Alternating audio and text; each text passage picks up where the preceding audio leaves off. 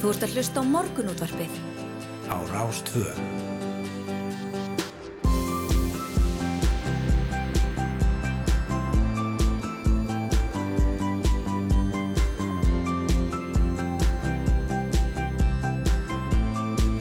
Morgunútvarpið Á Rástvö. Já, góðan og blæsaðan daginn. Hér heldur morgun útvarpið á stað föstudaginn 3. júni og hér setja Snæru Sindardóttir og Hulda Gerstóttir og velum að vera með ykkur til klukkan nýju. Jú, jú, og sömarið er svo sannlega komið því að það regnir hér í Reykjavík. Þetta eru kunnulegt stef einhvern veginn. Já, ég hugsaði mig þegar ég gekk hérna upp tröppuninu morgun. Þetta var ekki það sem ég hafði huga þegar ég lofaði sjálfur mér að þetta er þið besta sumar veðurlega séð bara síðan 2019. Já, já, en, en þú hefur þá minnst að kosti vita á því að, að þú ætlar að fara úr landi stóran hlut úr sumurinn. Já, já, ég hef búin að plana þetta. Vi, við hinn hérna sem gerum sömu mistökun bara ár eftir ár sittum hér eftir bara í regningunni. Já, nei, nei, þetta lítur að blessast. Já, við förum betri við veðrið á eftir en við ætlum að byrja á því að fara yfir það sem er á dasgrá hjá okkur í dag og um, við ætlum að byrja daginn kortir yfir sjö á því að heyra eins af þessu fjáröflunar og árvekni átæki krafts til styrtafélags ungs krabbamins greins fólks og um, e, því líku nefnilega á mánudaginn og það er svona lokan hikkurinn núna og það ætla að koma til okkar Guðbjartur Stefánsson sem er eina af perlunum í átækinu en átækið heitir Hver perla segir sína sögu og uh, svo er það hún Elín Skúladóttir sem er formaða krafts þau ætla að koma til okkar tvö hérna kortir yfir sjö eða svo Emitt. Elisabeth Breitadrottning fagnar um þessar myndir 70 ára kríningaramali. Breitland verðist undirlagt þessum að hátíðar höldum en ekki á hverjum degi sem er slíkum tímumótum er fagnað. En þessum að geta Elisabeth er sá þjóðhauðingi á lífi sem lengst hefur ríkt. Og það er ekki að tóra nefn í nýju daga í viðbútt til að vera komin upp í annarsættilistans yfir þá sem hafa ríkt lengst frá upphafi mannkynnssögunar en tæpt tvö ár í að skjóta öllum öðrum þjóðhöngjum frá upphafi vega refur rass. Hún er 96 ára gömul, þannig að það er, það er óskandið það náist. Já, ætlum sé með svona post-it miða upp á vegg með svona markmiðum bara verða 98 ára Alveg pottétt. frá fyrsta, fyrsta markmiði Já, alveg öruglega.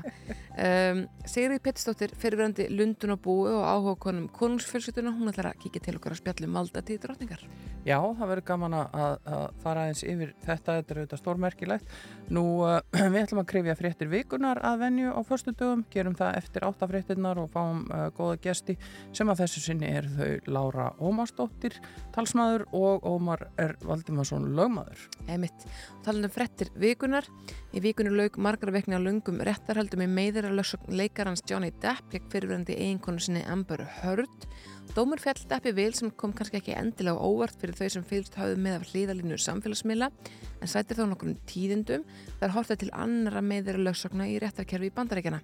Dómafórtama fyrir því að ekki þurfa einingus að sanna að verknæðurinn sem meðirinn snýrust um sé uppspunni heldur einnig að fulleringarnar hafi verið settið fram á vondum hug og það þóttu kviðdómi sannað í þessum réttarhöldum sem að ég áfrýja. Já. Við ætlum að fjalla með þetta marg umfjallaða mál með Ólufu Ragnarskott, dóttur fréttakonu af fréttastofur úf. Já, og uh, svo ætlum við aðeins að ræða atvinnumálin en Sigmar Viljámsson formaður atvinnufélagsins sem er félag einirkja lítill á meðalstóra fyrirtækja hann sagði á dögunum óriðtlátt að hluta starfsmenn fá að herri laun fyrir kvöld og helgavinnu og ferði fyrir því röka lögleittir því jafnaðarkaup.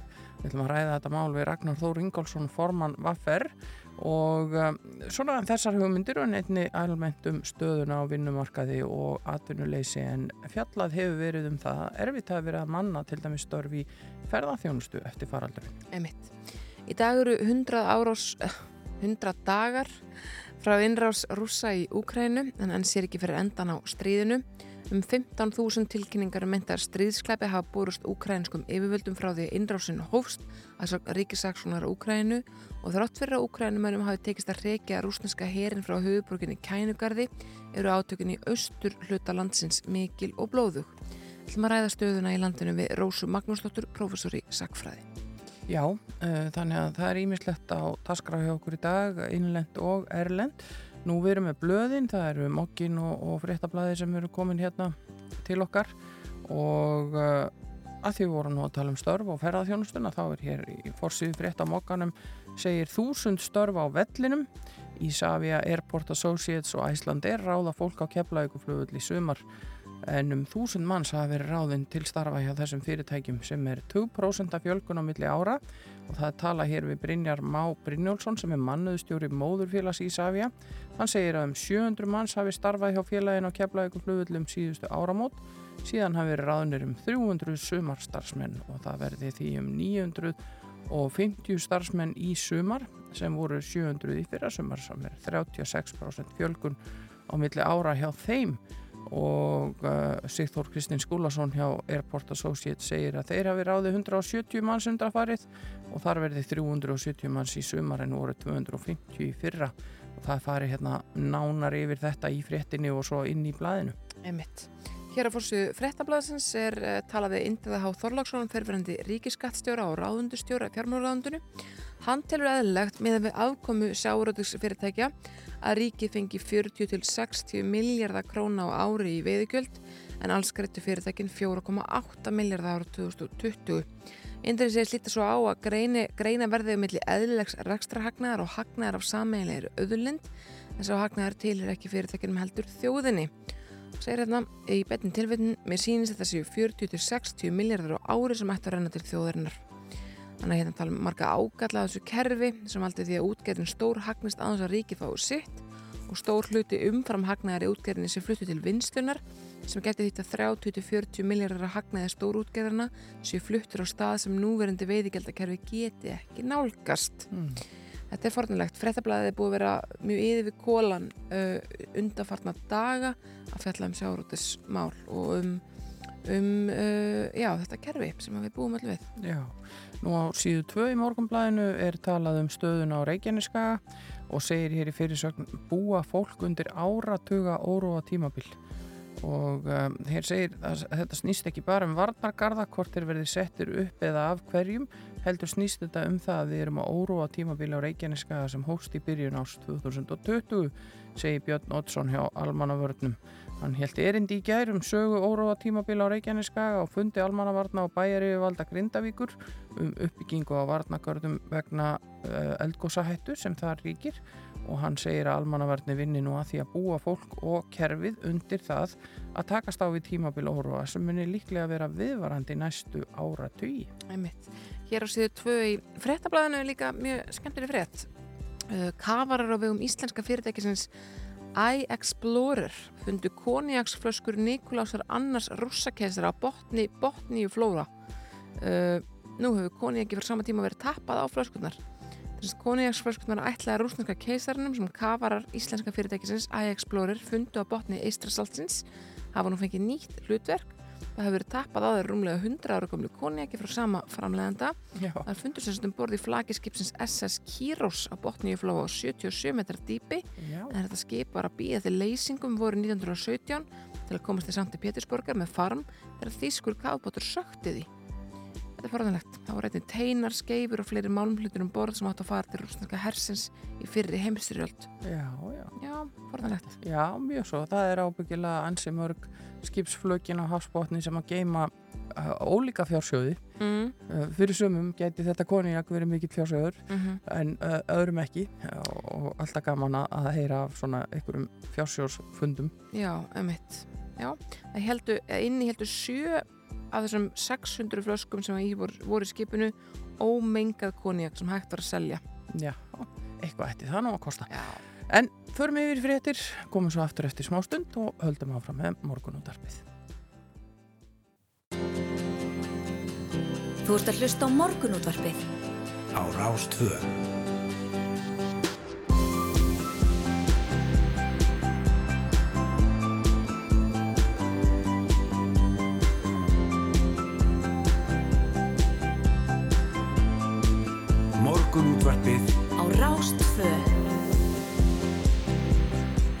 Rástvöð við bjóðum góðan dag hér á Rás 2 Hölda Geistóttir og Snæra og Sindradóttir hels ykkur uh, á uh, morgun uh, vaktin í hérna megin í morgun útvarpinu og við ætlum að vera með ykkur til klokkan nýju á þessum fína förstu degi margi farnir að hitu fyrir helgina enda laung helgi framundan, það er kvítasunnu helgin og frítagur hjá morgum á mánudag meðal annars hjá okkur. Og það verður önnur dagskrá hér í gangi um helgina og á mánudagin og hvetjum fólk til að kynna sér það, ímislegt forvittnilegt í í gangi hjá okkur hér á Rástvö en það er líka ímislegt forvöldnilegt í þættinum í dag. Já, það er eitt og annað. Við ætlum meðal annars að fjalla um uh, réttarhöld Johnny Depp og gegn Amber Heard sem á lauki vikunni. Við ætlum að fjalla um valdaamali Elisabethar Breitadortningar hún fagnar um þess að myndir 70 ára valdaamali. Við ætlum að fara við frétti vikunar með góðum gestum, uh, ræða hugmyndir um að uh, lögfesta jafnaðakaup með Ragnar Þór Ingálssoni formanum af R. Við ætlum að fara yfir það að í dag eru 100 dagar frá innrás rúsa í Úkrænu og svo ætlum við að ræða nýtt fjárablunar og árvekni átak krafts sem að þeirra ná hafbóndi núna. Já, einmitt, ímislegt og ímsum toga, fáum fyrstu gesturinn til okkar svona kortir yfir sjö eða svo, en uh, við áttum eftir að kíkja líka til veðursnærós. Já, einmitt, hér, uh, já það spáur hans er góðu fyrir helgina, en skulum byrja bara á deginum í dag. Mm -hmm. Það er reggsvæði á leiði yfir landi frá vestri til austurs og því rignir um tíma í dag í flestum landslutum. Áttin er söðvestlag, ímest góla eða kaldi og hiti á bylunu 7 til 16 stig. Líast á östfjörðum. Í kvöld tekum við eildi ákveðnari vestanátt skúrir og við og dreif og kólnar í veðri. En á morgun þá lægir vind á landinu og léttir til víðast hvar og ættu því flestir landsmenn að sjá til sólar og það er það sem við viljum. Já. Ég sé hér í hátteginu, sólinni er afskaplega jaftskipt. Það er heiðskipt um allt land nema rétt í vestmannum þar sem er uh, léttskið. Já, hátegi á morgun. Hátegi á morgun og það helst, Já, þannig er kort. nánast allur morgundagurinn sko. Já, Svona Og- átt alltaf að vera. já, ég sátt við þetta, ég laka til, ég ætla að vera á hestamóti um helgina hérna hjá, hjá félögum mínum í Spretti í Kópói og Garðabæ. Æðislegt. Þannig að- við munum njóta þess í góðaverinu og, og fólk um all land með við þetta. En uh, við ætlum að fá eins og eitt lag og uh, byrjum daginn á því að heyra titilega plötunar Dýrði döða þögn sem komið mitt út fyrir tíu árum síðan og sló svo rækili í gegn og það stendur einmitt til að rifja upp þessa magnuðu plötu hér á Rástöð á 17. júni næstkomandi og það er auðvitað hann Áskir Trösti sem á þetta lag.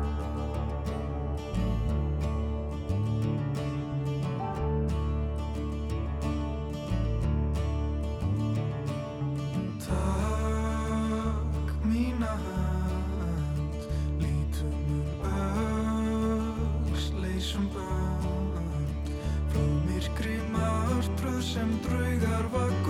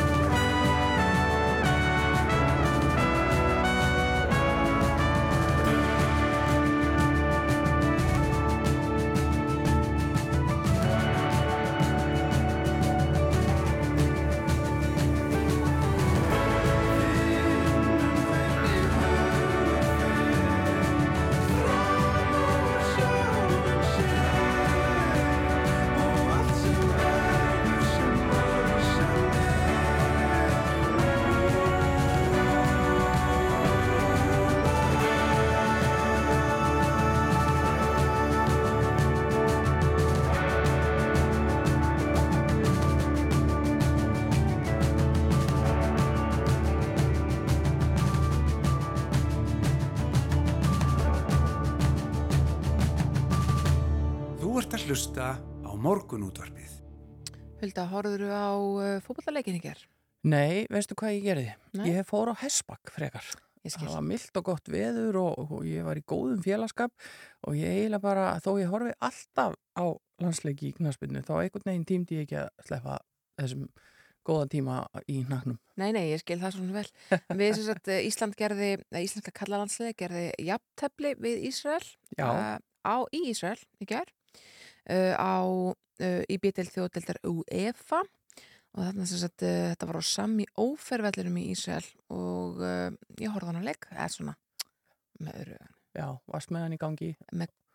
með kvart auga, hann var í gangi, já, hann var í gangi og ég töði það hans yfir því. Já, já, já, hérna, en, eh, en það var 2-2, það var svona, já, það var alveg ágætt sprettið þarna. Já, já, margir, margir ungir uh, leikmenn í liðin okkar núna og, og svona uppbyggingastarfi í gangi og er spennandi að fylgjast með uh, áframhaldinu. Það er síðan uh, er ekki leikur hér heima við Albaníu, ég held að það sé næsti leikur og síðan Ísrael aftur.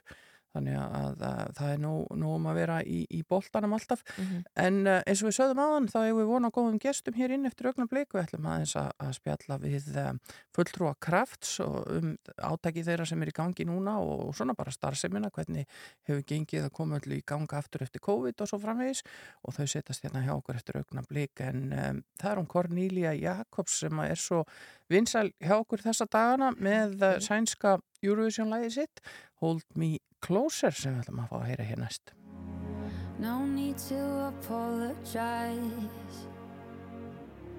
Cause there's nothing to regret. Well, this is not what I wanted. Guess all the good things come to an end. So, baby, bye bye. Wish you the best. But most of all, I wish that I could love you less. Well, maybe you're right. I'll find someone else. You say it isn't me, but when did that ever help? Hold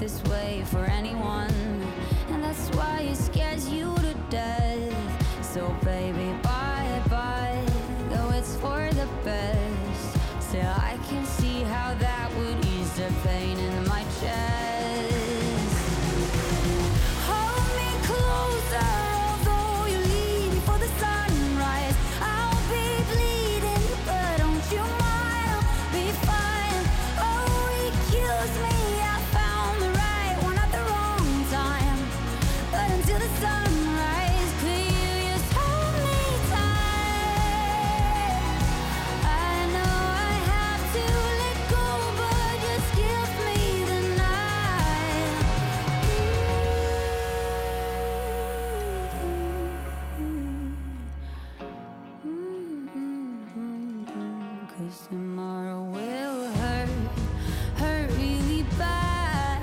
Cause I'm about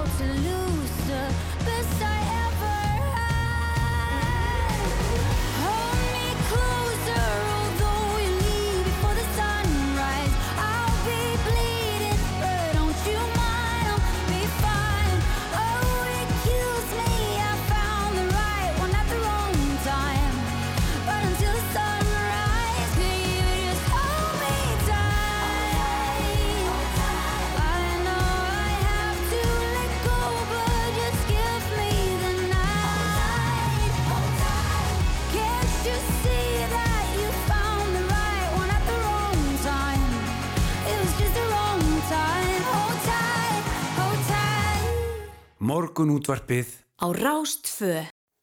Já, það komið að því að spjalla við fyrstu gesti dagsins hérna hjá okkur í morgunútarpinu. Þau eru sest hérna hjá okkur Guðbjartur Stefánsson og Elín Skúladóttir og hvaða mála ætla þau að tala um? Þau ætla að tala um uh, átækið hver perla hefur sína sögu. Það er yfirskrift fjáröflunar og árvekni átakskrafts sem er styrtafélag ungra krabbaminsgreindra og aðstandenda þeirra. Og átækið er í fullum gangi og því líkur formlega eftir helgi og við þekkjum arböndin, við höfum séð þau áður þessi perluða arbönd sem að fólk er að, er að búa til í, í, í sjálfbóðinu og þeir eru auðvitað uh, bæði með arbönd og, og, og sína, sína okkur það hérna uh, velkomin Takk fyrir. Takk fyrir það. og sko, hver perla hefur sína sögu heitir átekið Elín, hvað þýðir það? Og ég veit að Guðbjartur er eina af þessum perlum Já, það er í rauninni að þú veist, við höfum okkar, okkar sögu, svona okkar krabba með sögu og, og, og hún í rauninni tegir sig kannski örgla í alla Íslendinga Mhm. af því að þetta er bara það algengt að, að það, þetta snertir okkur öll þannig að, hérna, þannig að við erum svolítið að vekja aðtegli á, á því. Já, og, og Guðbjartur, þú tekur þátt í átakinu með að svona segja þína sögu eða þinnar fjölskyldu. Uh, Er ekki erfitt að svona stíga fram og, og, og, og vera einlægur og, og, og ofinbera svona einhvern veginn erfið mál sem að maður er að takast á við? Vissulega er það erfitt en það er eiginlega, fyrir mig er það bara ein leið, það er að tala um þetta og vera vakandi yfir þessu og hérna vekja fólk hans til svona meðvutendar um þetta. Já, Við sjáum það að fjóra allir fymta hver dag greinist ungur Íslendingur með krabbaminn. og þú kemur inn í þetta sem aðstandandi. Ég kem inn sem aðstandandi. Sessat, ég er sessat, uh, faðistráks sem að greinist tvísa með krabbaminn, fyrst 5 ára og núna aftur þegar hún er 32 ára. Já, Og við erum komin einhverja 7-8 mánuð inn í, inn í meðferðan honum. Og hver er svo reynsla með þetta, já, eitthvað ára tíu þarna á milli?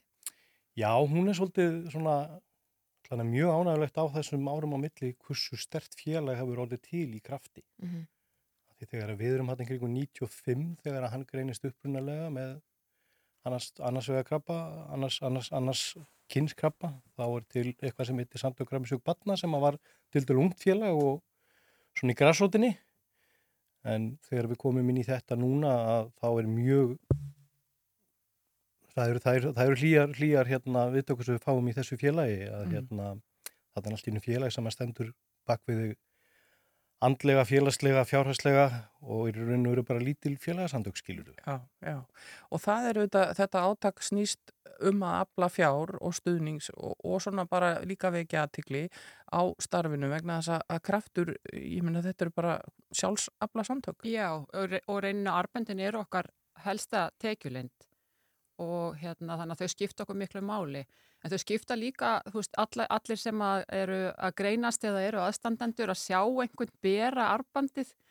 Þú veist, þegar maður er í þessari stöðu og maður sér einhvern sem er með arbandið þá er svona, þú veist, hann er að standa með mér. Já, Þannig að þetta er líka, þetta er svona, þetta er, þetta er í raun ótrúlega mikil stuðningur. Ég er ekki vissum að fólk átti sig á því Nei. þegar að maður sér einhvern með svona arband og maður stendur í þessum sporum hvað hérna, þetta svona, hvað þetta, einhvern veginn veitir mikið þakklæti. já, þannig bara þegar þú ert út í matabúð og, og sér fólki í röðinni með arband Já. sem þú þekkir ekki neitt en þá finnur þú fyrir að stuðningi. langar mann að segja, hei, hæ, Takk fyrir mig. En, en þessi hugmynd, arböndin eru búin að vera í gangi í nokkur ár og þetta hefur verið, það hefur verið að perla þetta út um allt, það hefur verið að perla þetta á vinnustöðum, hjá íþróttafélugum, í skólum og bara hvar sem er, Ég- það á að perla í borganesi, á morgun sá ég eitthvað staðar og, og, og það eru viðburðir út um allt. Sko við sem eigum börn hérna eins og við snærós, við þekkjum það að sitja við eldursporðið og perla Já, já. og það er búið að búa til ótalmörg arbönd og hálsmenn í gegnum tíðina. Þetta var alltaf bara jólatrið. Já, en, en hver, hvað kom þessi hugmynd að- að nýta þetta í þessum tilgangi? perlið. Pe þessi hugmynd, hún kemur í rauninni frá, frá hérna, sýstu samtökum, samtökum okkar í Svíþjóð. Já, já, Þeir hafa perla svona arbönd með, með öðrum skilabóðum. Uh, við vildum hafa okkar skilabóð eitthvað svona, eitthvað svona jákvætt sem, að, sem er góð áminning fyrir alla eins og lífið er núna. já, Mhm. Uh, þannig að hérna, hugmyndin, hún kemur þaðan. já. En kraftur eru samtök sem eru svona uh, fyrst og fremst hugsuð fyrir ungt fólk með krabba megin Já. uh, og aðstandendur þeirra. Er, er mikill munur á því að, að greinast ungur og einhvern veginn að þurfa að leita í einhvern svona jafningja stuðning á ákveðnum aldri því að það er allskins starfi bóðið auðvitað hjá ljósinu og krabbaminsfélaginu og mörgum góðum samtökum um all land uh, er svona þarf aðra annað utanum haldum ungt fólk Já, það eru svolítið öðruvísi áskonar, áskoranir þegar maður er svona, þegar maður er svona ungur. Þetta eru svona 70 ungir íslendingar sem að greinast árlega Já. á þessum aldri sem við erum að sinna og hérna þannig að þú veist, maður er, þú veist, við erum, við erum, við erum þá tiltölulega fá og þannig að það er gott að að hafa einhvern sem að er í svipum sporum að- og maður er sjálfur og áskoranir eru, eru aðrar. Þetta er oft fólk sem að er, veist, með börn og veist, koma sér fyrir í lífinu og þannig að ég held að, veist, þegar að maður hefur eitthvað sem er um svipum sporum og maður er sjálfur og talandi ekki um einhver kannski sem er búin á þessari vegferð að þá skiptir máli að þetta sé einhver sem er á svipum stað í lífinu maður sjálfur og því hérna eru svona samtök alveg gríðarlega mikilvæg. Hve- Hvernig er það fyrir uh, ykkur, Guðbjörtur, og þinn son? Ég meina það lítur að hafa verið mikið áfall að greinast í annað sinn þá hann hafa verið bann í, í fyrra sinn. Já, þessi svona spurning, tengi, ég tengi svolítið við hana því þegar hann er náttúrulega hann fimm ára og greinist að þá er hann náttúrulega bara fimm ára skilur Já. og hefur einhver skilning á þessu annað. En mann eru- kannski eftir því að hafa verið lasið. Já, já, hann mann alveg eftir því en, en þegar þú greinist 32 ára að, eins og hún segir að þetta er, þetta er náttúrulega miklu meira, þetta er, þetta er meira áfall heldur en þegar þú ert kannski komið setna og, og þú ert að ungur, þú ert að feskur að þú, þú ert ekki að hugsa um að sérst að fara að fá krabba mennski. Nei, Þannig að þetta er, þetta er eiginlega mjög ólík upplifun held ég hvenar þú farið þetta á, á æfinni. það, er- það er nú einhvern veginn bara þannig. Já. En hversu mikilvæg eru svona samtök fyrir ykkur aðstandendunar? Gríðarlega, þú veist, ég er ekki vissum, við tölum um að þetta heiti kraftur, ég kalla þetta kraftaverk. Já. Ég vil kalla þessi samtök fyrir eitthvað það. Já. En hérna, ég held að alveg rétt að skora á fólk að, að, hérna, hugsa sér tvisar um eða fyrir krónunni eða hvað er að fara að kaupa svona hérna armbönd. Það, það er mikil meining bak við þessu orð lífið núna og hérna þetta skiptir þessi samtök gríðarlega miklu máli. Já. Og það er hægt að kaupa þau, þau eru núna á meðan á átekinu stendur í bóði í veslunum Mhm. og síðan auðvitað vefsíðan ykkar. Já, lífið er núna.is og eða skella sér í krónuna. Já.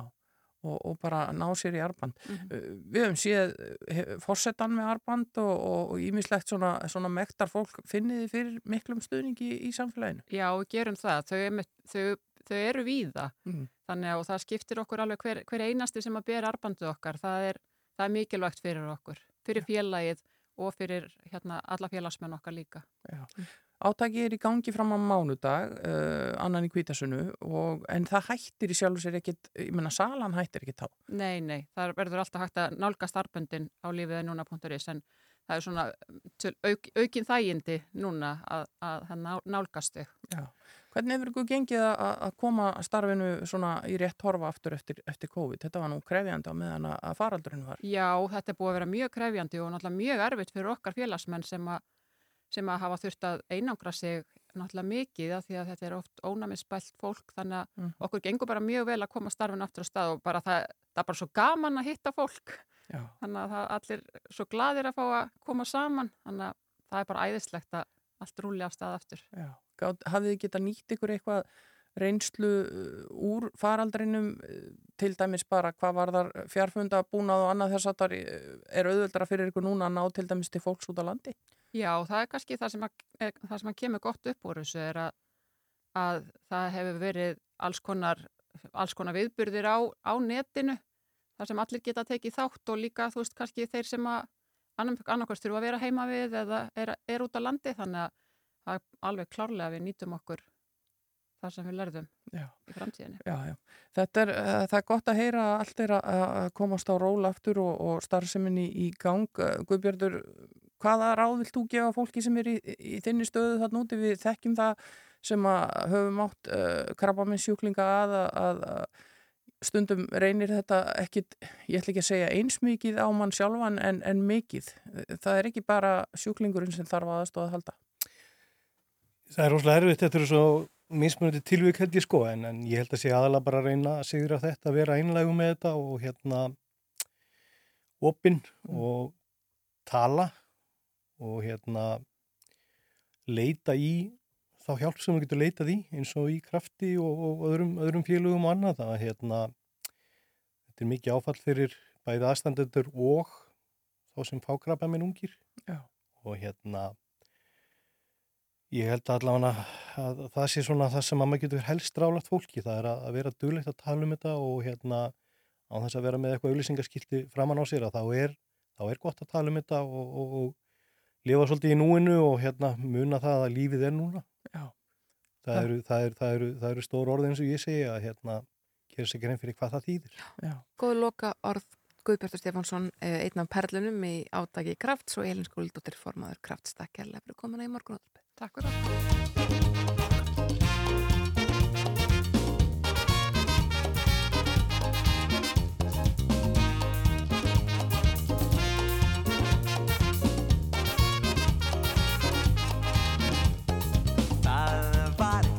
sem gæti ekki sitt ekki Átt og drakk og reykt og dansaðin andri fyrr Gaman gæt sem geta spælskuð negru og sig.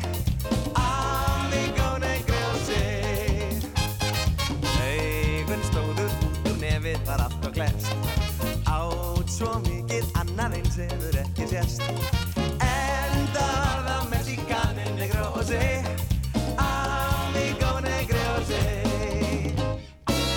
Síðan sagði mexikanin negrose Eres diablo pero amigo negrose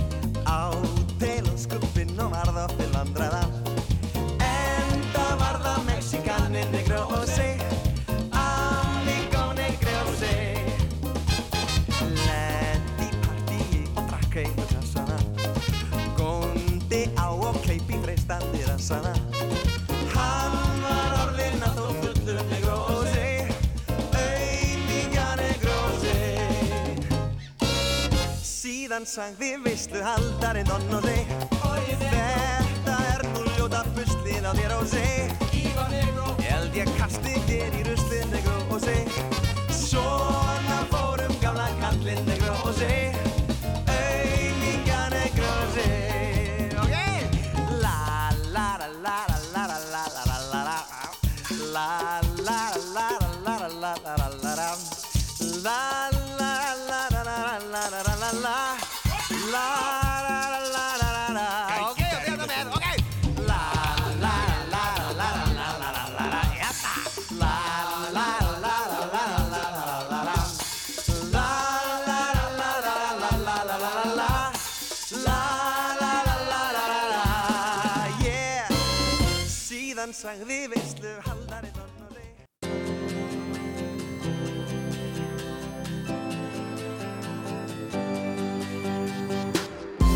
Hlusta á morgunútvarpið. Á Rástvö. Jú, áframhaldum við hér í morgunundvarpinu og að næst ætlum við að fjalla um það að í dag eru 100 dagar frá innrás rússa í Úkrænu en hann sér ekki fyrir endan á stríðinu. Við fengum til okkar utrækjusáður að hér í gær þess að ræða svona stöðu Íslands í þessum málum en að þessu sinni þá er Rósa Magnúsdóttir professor í Sackfræði komin á línunni hjá okkur. Hún talar frá Danmörku. Góðan daginn Rósa. Já, góðan daginn. Þetta er orðin 100 dagar frá innrás rússa í Úkrænu, eitthvað sem að já, enginn sá fyrir. Um, það hafa 15.000 tilkynningar mynda stríðsklappi borist e, úr úkrænskum yfirvöldum frá því að innrásin hófst sem er ja, greiðalegur fjöldi. Um, hvernig horfir þetta við þér svona í sögulegu ljósi þessi innrás? Uh, er þetta, er þetta, hefur við séð merki þess annars staðar í, í, í sögunni, svona í nútíma sögunni? Uh, sko það er kannski, já, já, við höfum alveg séð sko árásir sem að kannski uppfylla ekki þau markmið sem eru sett og við erum að sjá það alveg augljóslega núna á hundra dögum, það eru hundra dagar liðni síðan þetta stríð hófst sem að margir bara trúðu nú ekki fyrir en bara að hérna, einrásin hósta myndi í raun eiga sér stað og það var þó að við værim búin að sjá stríð í Úkrænu í átta ár, auðvitað frá árunni 2014 og það er auðvitað alveg eðlert núna kannski þegar það eru svona tímamóta þá farum maður að hugsa um markmið og árangur og, og eins og þú segir þá ætla að hafa þarna átt stað alveg hræðilegir stríðsklæpir rússar hafa nú um 20% af landsvæði Úkræna á sínu valdi. En það er samt ekki í rauninni búið að uppfylla neina þeim markmiðum sem rússar setti sér í þessu. Það- Þeir ætla að koma nazistum frá völdum, ekki satt, eins og eins fáranlegt og okkur finnst það. Mhm. En það og, og, þeir eh, tölum mikið um að Úkræna væri veikt ríki, en þeir hafa ekki náða að uppfylla uh, þessi, þessi markmið eða sína framhægn árangur í þessum óljósu markmiðum sem þeir settu sér. Einmitt. Sko, en, en þeir hafa samt haldið lengi út því að þegar innrásun hófst þá einhvern veginn já, svona kom einhverjum pínlítið óvart að þeir skildi ekki geta bara tekið landið á nokkur dögum og, og hérna með öllum sínum her. En úthaldið verðist vera já, betra heldur en maður hefði vonað.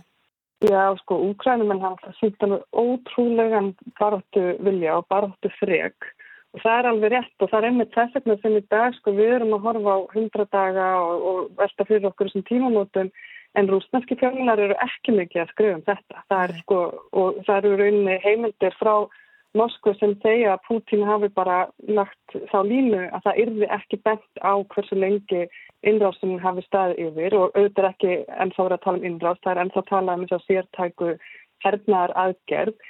Þannig að hann vil sko alls ekki að það fái neina aðtykli að þessi innrás að þessi aðgerð hafi nú staðið yfir í svona langan tíma. Og umræðan í Rúslandi snýst miklu meira um núna NATO og vestrið þetta með að Rúsland sé ekki bara í stríði við Úkrænu heldur að þetta sé bara miklu, miklu stærra stríð. Í rauninni er verið að tala um að Vesturland sé núna búin að setja stað alferja stríð gegn Rúslandi. Að þessi sko efnahagstvinganirnar og allar þessar útilokanir sem að rúsar eru að upplifa á allþjóða senunni, að það sé rauninni ákveðin stríðs yfirlýsing. Og þessi áróður að vera að horfa svona á Vesturland, hann snýstu þetta um það að samþykja að fá rússa, sko, alveg almenna rússa til að samþykja að þetta sé stærra og erfiðara stríð en bara þetta sem sé að eiga til stað í Úkrænu og þess vegna megi enginn búast við því að þetta að rússa sigri Úkrænu hratt og öruglega. Já. Við höfum verið að tala við fólk sem er í Úgrænu undarfarnar vikur og, og þar kemur mjög skýrt fram að, að já, bara þessari fjölmjöla umfjöldun í Rúslandi er, er auðvitað að miklu liti rittstýrt af stjórnvöldum. Já, algjörlega. Sko það er hérna, stjórnvöld bara eh, stýra allri fjölmjöla umfjöldun núna í Rúslandi og nýjustu fréttir sína í rauninni að hérna, hegningalögin eru að herðast enn meira. Það er núna bara búið að gera allt andof glæpsamlegt. Við erum búin að heyra um þetta núna í allt vor, hversu erfitt það er að stunda einhvers konar andof eða bara hafa einhvers konar aðrar skoðanir á þessum stríð átökum heldur en stjórnvöld uh, leggja fram. Núna er búið að herða hegningalög uh, í, í garð þeirra sem eru samskipti við útland, sérstaklega verið að horfa á rússa sem hafa flúur Úsland og samskipti þeirra við heimalandið, búið að setja inn svona viðlögum njóstnir og glæpi gagvast föðurlandinu. Þannig að það er sko mjög, mjög stýrt öll þessi umfjöldun, mjög erfitt að hérna fyrir hinn almenna borgar að fá okkur að rétta umfjöldun. Rússar eru bara að horfa á allt annars stríð en við erum að horfa á sko hér. En eh, sko, er eitthvað líkur því að rússar, já, að, hérna, já, svona þannig það út uh, sínar hug, hernaðalegu hugmyndir og, og uh, ráðust inn í önnur lönd í Evrópu eða, eða lítið svo á að, að það sé, já, eins og þú segir að Vesturlund séu stríði við það og, og því ber að svara með öðrum hætti heldur en að vera innan stóra gæsarpa bara með innrás í Ukrænu. Já, sko, það er auðvitað, auðvitað er alveg hægt að hafa ágjur af því en ennþá finnst mér ekki neitt benda til þess, sko, Putin hefur ekki mobiliserað þjóðina, Hann, það verður ekki verið neitt svona almennt herútbóð ennþá, þannig að þó að, sko, það er ímislegt að benda til þess að þó að fólk lýsir við stuðningi við þess að sértæku hernaðaraðgerð þá jafnkildi það ekkert því að það vilja sjálft fara í stríði eða senda fjölskyldum meðlum í stríð og, og mér finnst í rauninni ennþá erfitt að sjá uh, að Putin hafa þann herabla sem til þess fyrsti að fara að ráðast inn í önnu ríki. Sko, þó að þeir séu að ná þarna stórum hluta Úkrænu á sitt, uh, já, sem þeir er að ná miklum árangri núna í austurhjörðunum að þá hafa þeir ekki, og, það, og það er talað um að það sé vegna þess að þeir hafi getað sendt þess að héraflan saminaðan svolítið á einum stað, Mhm. en þeir eru ekki með mikinn auka hérafla eins og staðinu núna. Já. Nú hafa uh, vestræn ríki eh, ekki vilja stíga inn í átökin með beinum hætti en hafa þó stutt úkrænumenn með eh, til dæmis vopnum og, og, og búnaði. Dugir það til? Já, sko, núna erum við að sjá svo að bætin er að svona, senda flusketi til Úkrænu og það er verið að senda frekari hernaðarstóð, það er verið að svona, auka við á aðstóð sem að, að Vesturland hafa verið að hérna, veita Úkrænu og það, sko, það er erfitt að sjá hva, hvað dugir, þú veist að þetta er að líka miklu leiti svona upplýsingastrýð, hver, hverjir verða að hóta og hvernig þessu er svo, hvernig er spilað úr þessari aðstóð dæmis í Úslandi, eins og ég var að segja, hann að benda á að að núna sé, sé Vesturlanduna lífs yfir alþjóða stríði bara með því að vera að styðja við Úkræna á þannig hátt. Einmitt.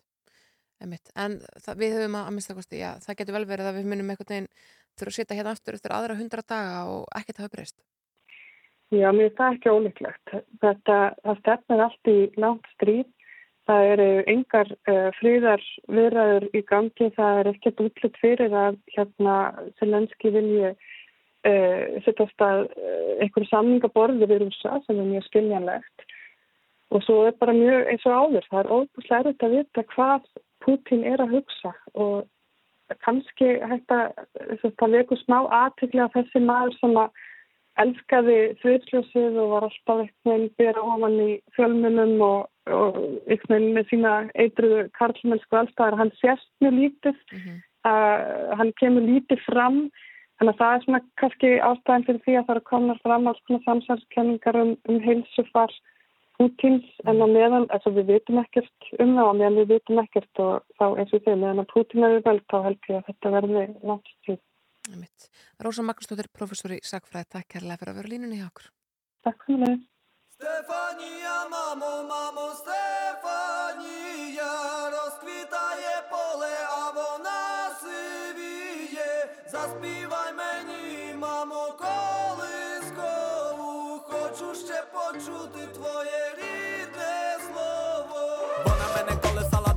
мені ритм і напевне силу волі не забрати мене, бо дала вона напевне знала, може більше і від соломона ломаними дорогами прийду, я завжди до тебе, вона не розбудить, не будить мене в сильній бурі, забере бабулі звідулі, ніби вони кулі,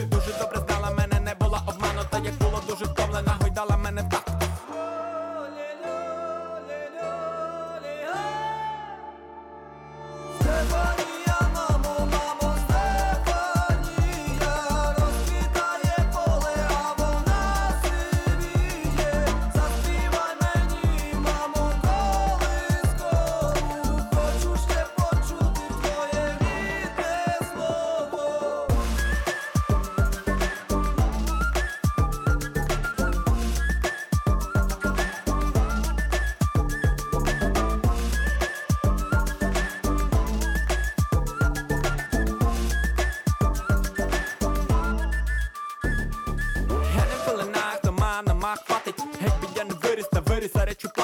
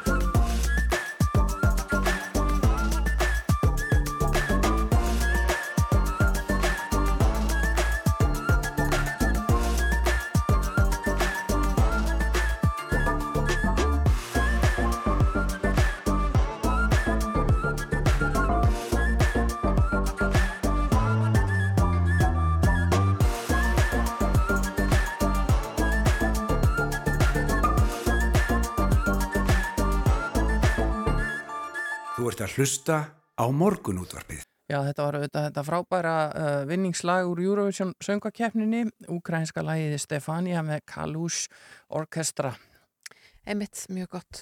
Uh, Sigmar Viljámsson formaður atvinnu félagsins, félags einirkja lítilla og meðalstóra fyrirtækja, sagði á dögunum að órétt átt væri að hlutastarfsmenn fái herri laun fyrir kvöld og helgarvinnu, farið fyrir því rauka löglegt er því jafnaðakaup.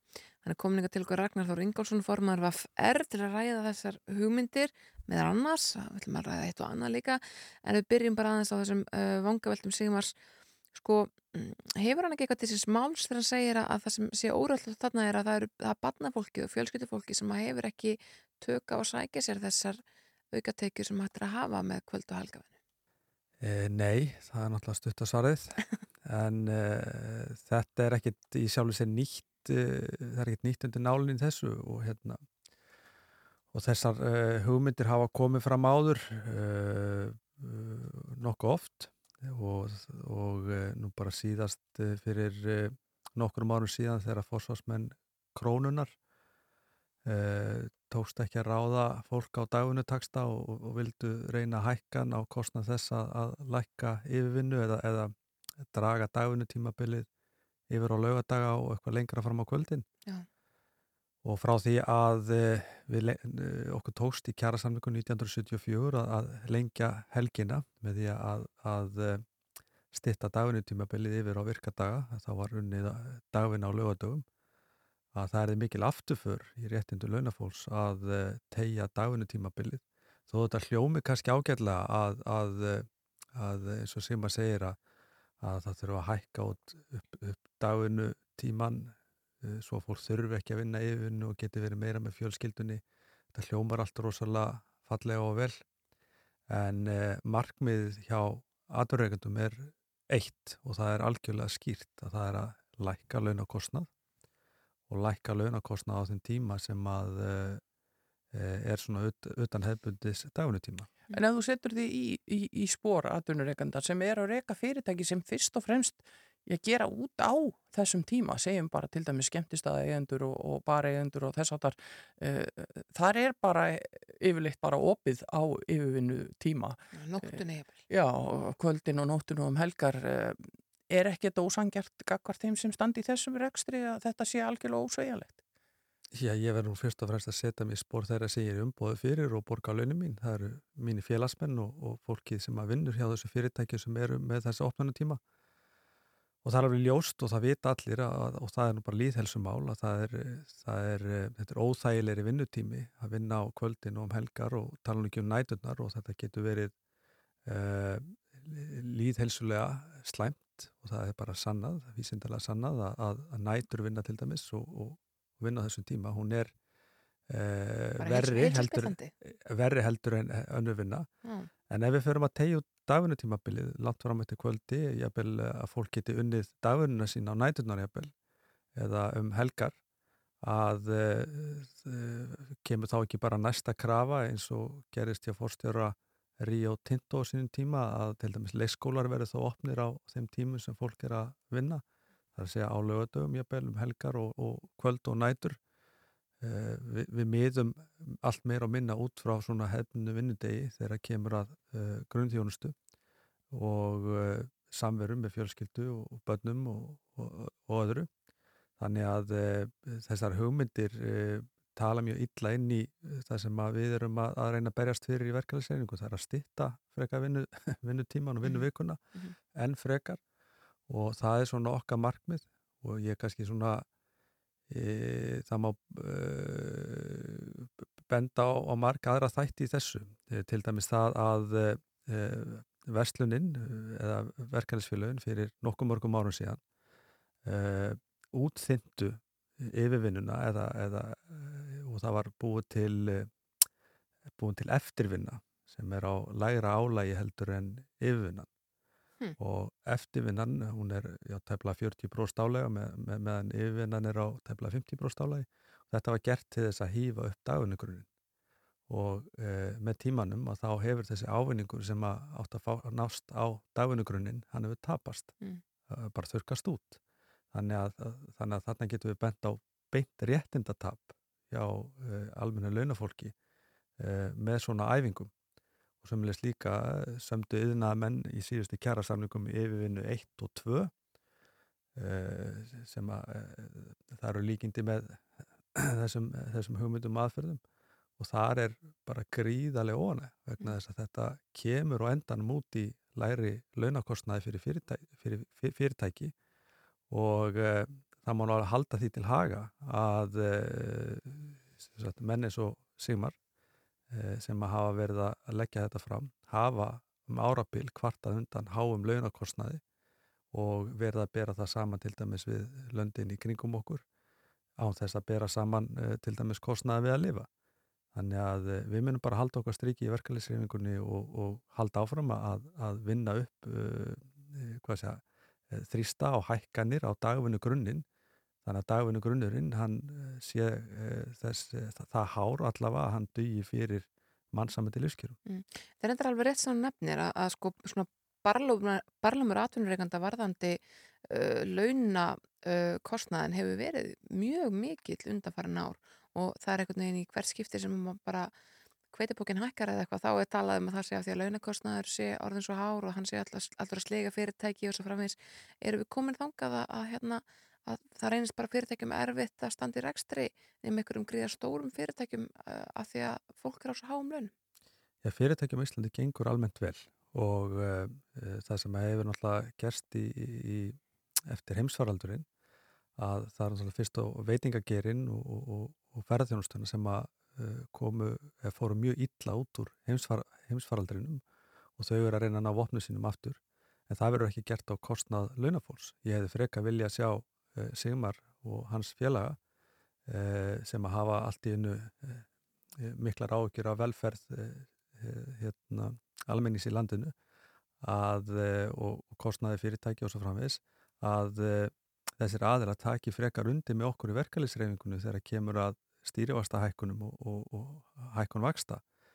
Fyrirtækin á, á Íslandi skulda um 5.000 miljardar og ferðarþjónustan er að koma mjög skuldsett uh, út úr heimsvaldrinum og uh, ef, við, ef fyrirtæki skulda 5.000 miljardar þá er 1% stýrivasta hækkun um 50 miljardar kostnaður auki fyrir fyrirtækin mm -hmm. sem að jafngildir sambarlegur upp upphæð og, og mun kosta líklega að, að, að fara látt með að kosta uh, næstu kjærasamlinga. Mm -hmm. Þar er líka uh, mikill kostnaður auki sem að uh, okkur vant að banda maður nýja berja niður vegna þess að þetta er ekki bara heimilinn, þetta er fyrirtæki líka. Mm. Bara að allt öðru, um, það hefur verið svona, svo ég nota ennskona trend núna nýverið í bæði bandarækjunum og Breitlandi veit ég og kannski eitthvað annar staðar að þegar að störfur auðlýst, af því að núna er mjög mikið að störfum í bóði uh, og það vantar fólk sko í flesta geira einhvern veginn á landinu í dag um, það hefur mikið trend að skri, segja í auðlýsinguna hvert launabil sé hafið þið skoðað sko þetta, þetta sé eitthvað sem við getum fara að sjá á Íslandi að fólk viti að hver það gengur þegar það sækir um starf hver launin hjá þessu fyrirtæki eru hvað sé bóði og þá fáið það þess að annarkort uh, við neðri mörg þessa bils eða efri mörg af því hvað reynsla þeir á mentun sé? Jújú, jú, það er uh, uh, mögulega getur haldið áfram að sjá þetta. Við erum að sjá uh, margt af því sem hefur verið að raungerast í löndunum í kringum okkur svona vera að, að, að hasla sér völl á íslenskum vinnumarkaði. Og margt sem að við höfum áhugjur af til dæmis eins og hefur verið að gerast í, í til dæmis í Breitlandi að uh, þar er uh, til dæmis í, í, í tískuvöruverslunum að þar er auglist á netinu eftir vinnuframlægi fyrstu kemur fyrstu, frá, fyrstu fær og það kannski vanta millir fjögur og sex eða fimm og sex á einhverjum álastímum og fólk þarf að koma sér á staðinn og, og, og, og svo framvegs uh, við erum líka að sjá það eins og Bara samt, samdægurs eða?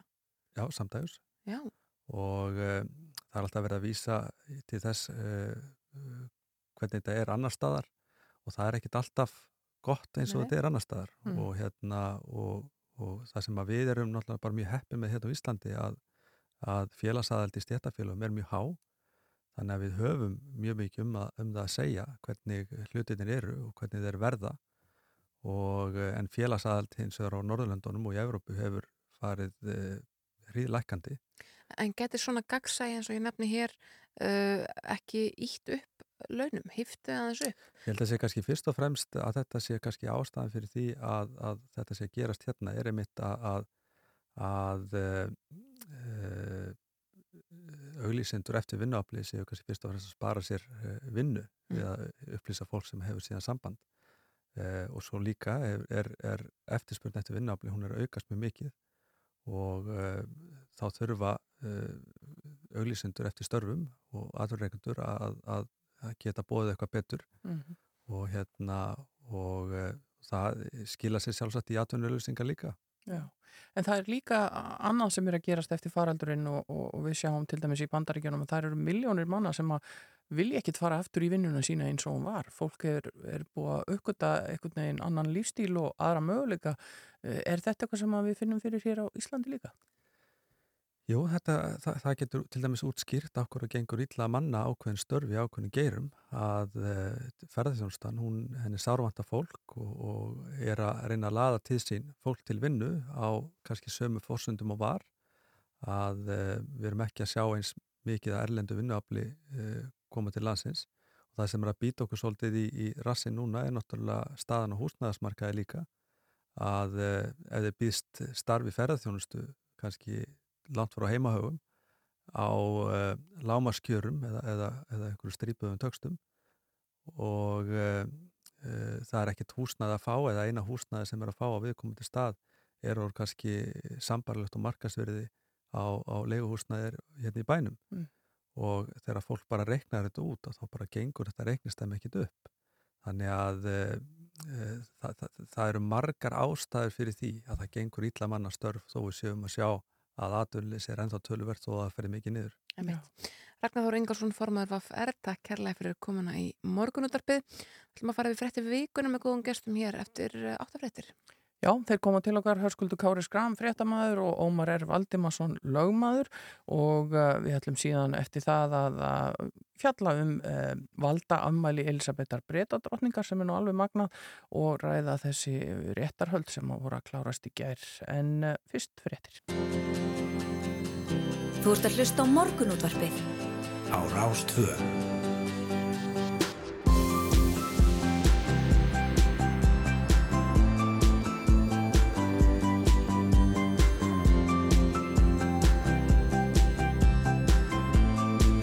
Morgunútvarpið Á Rástvö.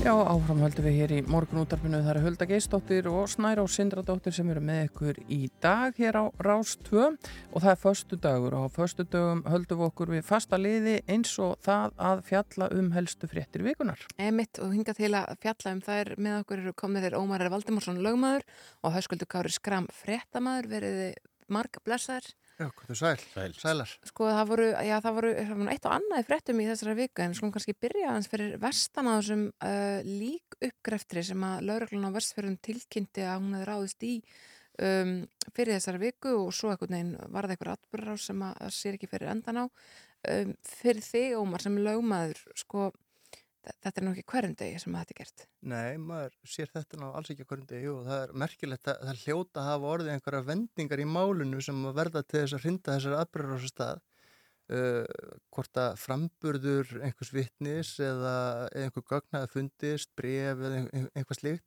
sem að gefa til kynna að atbyrðar hafi ekki verið með þeim hætti sem að mönn töldaður hefur verið með þarna 1973 mm -hmm. sem að, og þetta gerist alls ekki hverjum degi og, og, og það má velta því fyrir sér hva, hvað er það nákvæmlega sem menn vilja aðtuga hvort hægt sé að skoða?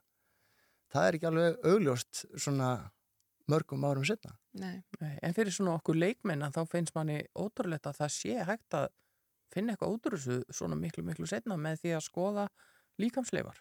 Já, ég, það, það, maður bara gerir ráð fyrir því að, að maður hefði haldið að, að 49 árum að eftir einhver er settur í, í jörðina að það, það sé kannski ekki mikið eftir Nei. en hérna ég gerir ráð fyrir því að rétt að minna fræðingar séu með það nokkur neginn á hreinu hvaða er sem er mögulegt að sjá Já.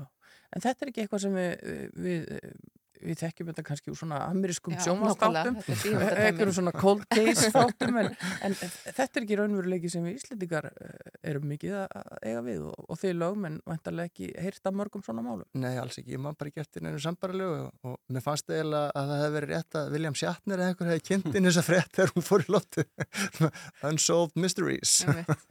Sko, Höskuldur, hvernig hefur gengið eh, á frettastofum landsins að, að fá upplýsingar um þetta mál?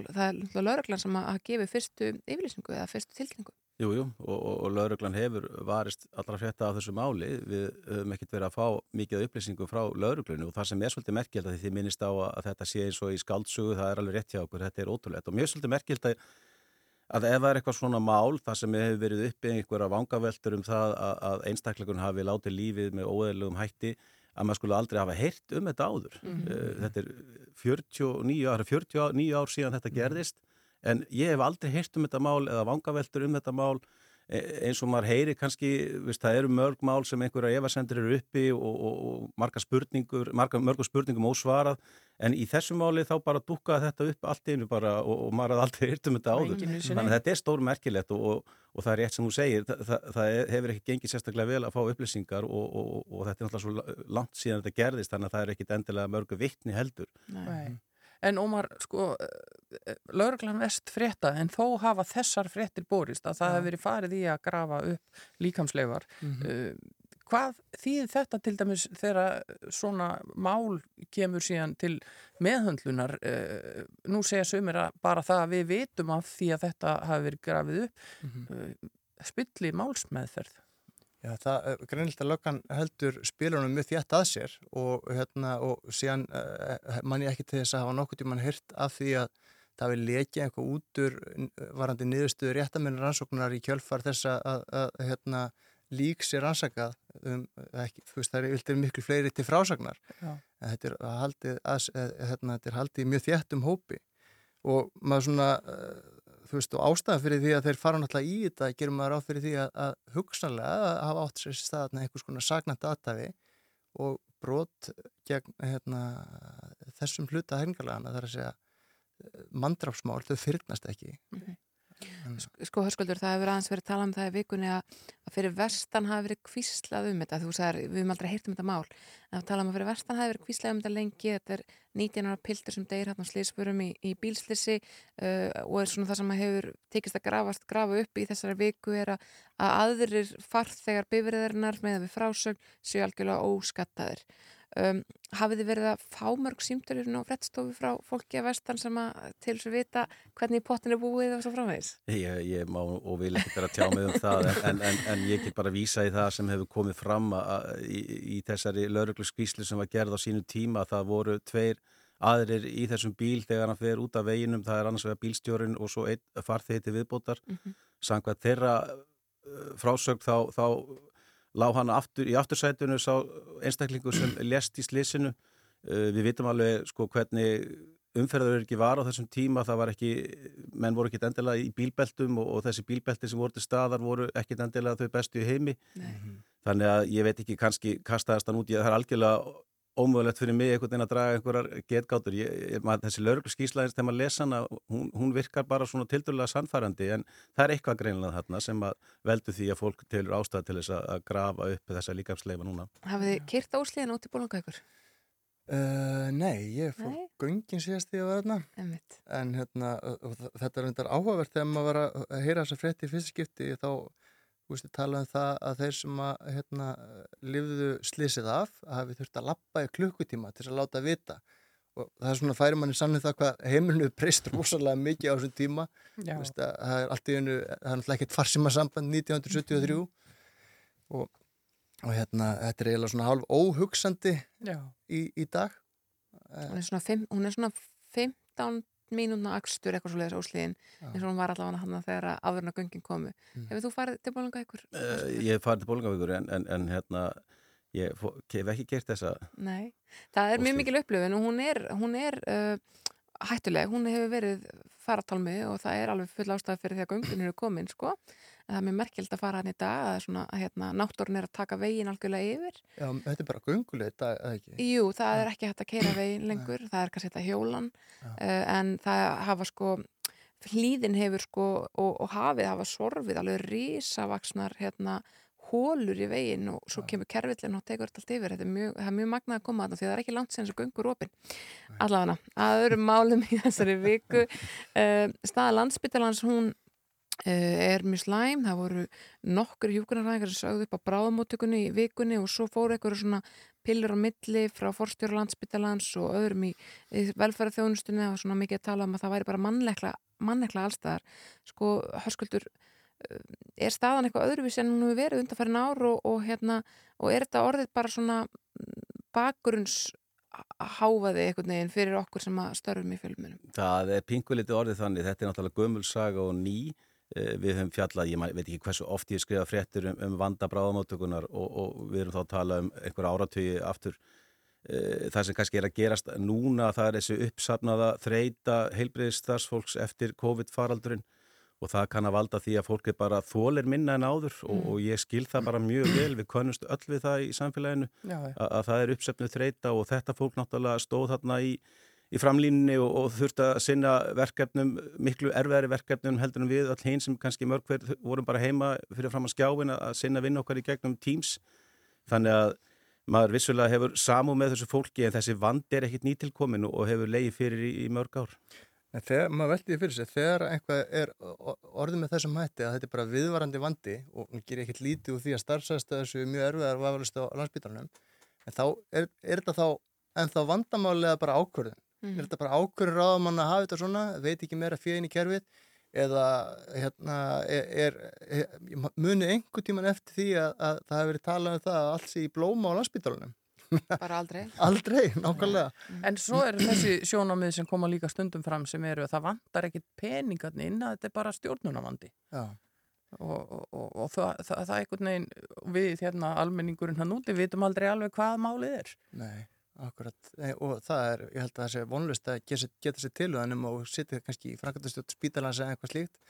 En, en hérna, eh, það er alltaf verið að tala um að vanti meira fyrir í þennan gera og þennan gera og síðan hérna, hérna á ný spítalega að leysa öll heimsins vandamál og, og hérna, ég, ég veit ekki, þetta er eins og, og hörskuldur sagði sko, þetta er orðið svolítið svona kannski bakgrunns háaði fyrir, Mhm. já, Já, það er að segja, bakgrunns háaði. En, sko, uh, fórstjóri landsbytalans hann var í viðtali hér í þessum þætti þessari viku og þar talaði hann um bara að það væri, manneklan væri svo mikil, það væri þetta snýrst kannski raun og verið ekki um krónur og auðra, heldur um það að við bara útskrifum ekki nóg marga heilbyrðistarsmenn og uh, jafnvel þó að það hefði verið farið ráðst í áttak til að fjölga hjúkunarfræðingum, þá næði það ekki yfir sko kúfin. Ég meina, hvað hva getur lítir þjóð að út á ballar hafi einhvern veginn gerst þegar við erum bara við verðum ekki, við náum ekki miljón í okkar líftíma sko. Nei, nei, og við verðum svona sem aður að tryggja heilbreyðistjónustu á þessu landi og, og, og líka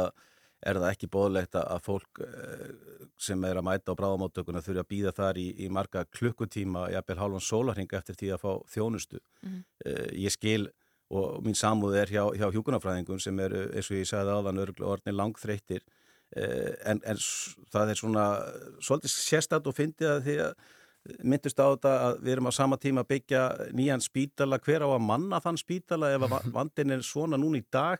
Eh, við getum verið með bestu aðstuði heimi en ef, ef enginn vill vinna þar þá náttúrulega heldur þetta, þessi vandi bara áfram.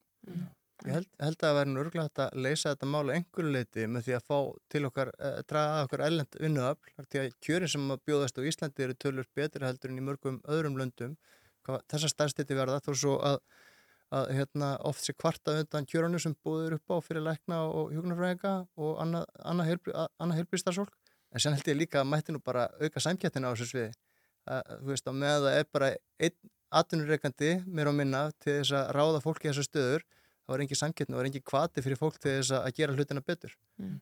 Erum við ekki einhvern veginn svolítið að sigla það átt? Man hefur vist að aldrei fleiri stjórnmálamenn hafa talað í þá átt að fara þessa blöndu leið og, og hafa meiri engarekstur. Það verðist einhvern veginn vera svo leið sem er að lenda ón á. Já, ég, ég vona það svo unnilega alltaf því að uh, það er svo margt sem að er klikkað í þessu kerfi eins og það er í dag. Til dæmis bara þessar aðgerið sem að hægt er að, að, að kaupa sig í hjá klínikinni uh, og fá, að, að, hérna, ég held að þetta er svo aðlega liðskipti aðgerir þar sem að, að þú getur komist þa þar að fyrir eina, tvei miljónir með tildulega skömm tíma en það er engin niðugreisla en síðan kostar aðgerið miklu meira í Svíþjóð fyrir ríkið og þetta byrði í marga mánuði. Og þetta bara, það er ekki heil brú í þessu. En þetta er, þetta er kerfisvandi líka einhver, að miklu leiti eins og er að tala um það að peningarnir séu ekki ekki að skila sér á, rétta staði. Eh, þú ert að tala um þetta system sem er hérna, einhvers konar blanda af engavæðingu og, og ofinberi heilbæris þjónustu Mhm. er, er, mann sýnist kerfið einhvern veginn, það hefur verið þróast á síðustu árum, þetta stöður bútasömmur Mhm. og það þyrfti kannski að hrista upp í þessu kerfi en ég, það er bara að gera það er svo reysastór skref og, og, og, og reysastór pólitísk ákvörðu og um það hefur ekki ríkt samstáð á Íslandi og þess vegna erum við ennþá bara í þessu kerfi Mhm. sem er skrítið að því það er fullt, það, það er alltaf að vera einhvern veginn að lappa upp á hér og þar en einhvern veginn aldrei tekin þessi stóra stefna og þetta stóra skref til þess að einfalda það og gera það meira strömlínu lagara ef svo maður orðið komast. Taldum samstöðu, höskuldur, uh, það hafa verið ársendingar í fjölmjölum á milli fjármálaráður og viðskiptaráður alla vikuna út á kvikmyndafrumvarpi Lilju Alfredsdóttur. Uh, akkur er þetta fólk ekki að tala saman bara um ríksöndaborði? Hvað er gangi? Þetta er ótrúlega merkilegt, þetta er náttúrulega ekki fyrsta máli. Við, þetta byrjaði pingulítið hérna þegar Sigurður Ingi létt þessi frægu umali falla hérna varandi frangotastjóra bændarsamtakana. Eh, Eftir það tók við hérna, Íslands bankamálið við sáum gaggrinni sem kom þar fram meðal annars frá Lilju. Og svo höfum við séð þetta Sagði, ég- líka ég í útlendinga með, með hælisleitundana sem á að sen- senda úr landi. Þannig að ágreiningurinn er að koma sífjöld meira upp á yfirborðið. Í málum sem maður myndi nú telja fyrirfram að væri hægt að leysa við ríkistjónarborðið og þyrti ekkit endilega verið fjölmjölum þannig að þetta er mjög aðteglisvert uh, þessi ágreiningu sem er að koma í ljós og er bara opinn og í fjölmjölum Ég sá einhverstaðar skýringu á þessu og hún var svo að, að núna er þetta fólk búið að vera bara með hau- hausin undir sér og, og reyna að komast í gegnum COVID í fimm ár. Og núna er það svona svolítið afgreitt mál allan að hvað, hérna, flesta Íslendika held ég að var þar og þá allt í hennu þarf að fara að díla við pólitíkina. Mm. og þá eru fullt bara koma í ljósa að, að, að í ríkistjórnir eru þrýr mjög ólíki flokkar með mjög ólíkar áherslur og hérna samstarfið kannski ekki jafn fullkomið og maður held að það væri sko. Já, það er líka svo sérst að þetta er að gerast núna í, í byrjun kjörtífambils. Venjulega kemur svona ákveðningur í ljós í lok kjörtífambils þegar menn eru svona að setja sér í stellinga fyrir kostningar, Mhm. þá vilja þær marka sér stöðu Mhm. gagvart sínum kjósendum. Mhm. En núna erum við að sjá þetta, það eru hvað, 6, það eru 8-9 mánuði síðan við, síðan við eh, kusum, þannig að það er svolítið merkilegt og, og þá hef, segir þetta manni kannski það að það hefur verið einhver ágreiningur hérna bullandi undir yfirborðinu sem er bara í fyrsta skipti núna að koma í ljós nema þetta sé náttúrulega uh, hafi líka einhver aðra pólitíska skýringar eins og að við sjáum að, að sumi flokkar til sérstaklega vinsti græn eru, eru, eru í varnarstöðu að mörgu leiti, gengið þeirra hefur ekkert verið sérstætt í, sí, síðustu tvennum kostningum. Ekki verið lægra síðan að 2013 þegar þau ja, fóru þá leið að skiptum formann. Já. En allir þetta spil ekki líka inn í að við erum nýbúin að fara í gegnum sveitarstjórnarkostningar og þar eh, skipti máli fyrir flokka hérna, sem að buðu fram að reyna svona aðeins að markera sig frá hinnum Mhm. og, og hugsalega þá hérna, slettist aðeins yfir í landsmálapolitíkina líka þegar að, að, hérna, að kostningabaratan var kannski hvað hörðust. Mm. Forðunlegt, Höskuldur Gári Skram, frettamæður og Ómar R. Valdimarsson lögmaður, takk kærlega fyrir að renni við fretti vikuna með okkur. Takk. Takk. Já, það er að nógu að taka. Við hefum alveg getað að setja hérna til hluga nýju með þeim strákanum og haldið áfram að tala um frétti vikunar það er svo margt í, í gangi en uh, það er líka fleira sem okkur langar að fjallum og meðal annars ætlum við að fá hana Sigriði Pétursdóttur til okkar hérna eftir augnablík til að tala við okkur um uh, 70 ára valda ammali Elisabethar brettadrottningar. Þetta er náttúrulega alveg reynd ótrúlega valdatíð sem hún hefur átt og uh, svo ætlum við líka í undir lok þáttar að aðeins að, að, að fá hana Ólaugur Ragnarsdóttur fréttamann til okkar til þess að fjalla um þessi, þessi stóru réttarhöld sem að lauki gæra milli Johnny Depp og Amber Heard sem að hafa orðið að eitthvað svona svona O.J. Simpson endur komu í þessu Ég ætlum sérst að fljúa út hérna eftir, eftir yfirleitt fréttavöld. En það eru Hjálmar og Geti Renn sem að leiða okkur inn í fréttaöflitið með þetta skemmtilega nýja lag sem heitir Upp á rönd.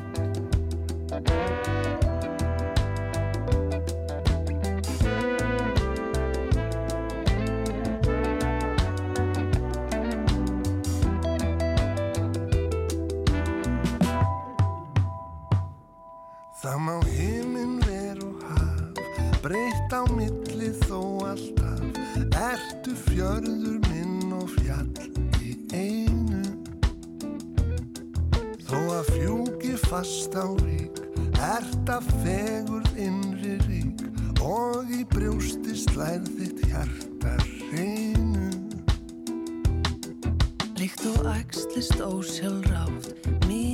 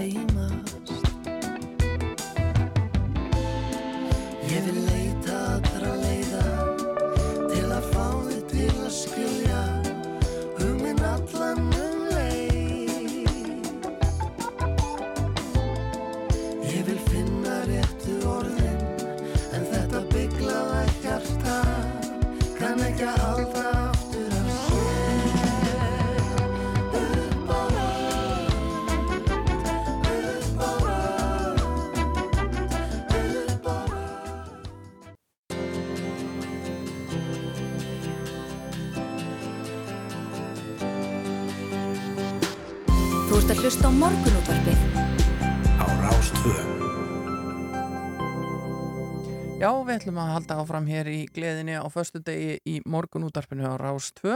Það er þetta ímislegt skemmtilegt framundan hér á stöðun okkar. Eh, Dotti Lítli, Þóruður Helgi, tekur við með morgunverkin eftir klukkan eh, nýju og hann ætlar að vera í diskóin í dag. Já. Já, hann ætlar að vera undir diskókúlunni því að Partizón snýr aftur á Rás 2 annað kvöld og, og þar verða þessi þættir undir diskókúlunni. Kíkið endilega á Facebook síðan okkar til að sjá um hvað málið snýst en við ætlum að stökkva yfir til Bretlands því að þar er mikið húlum hæ í gangi.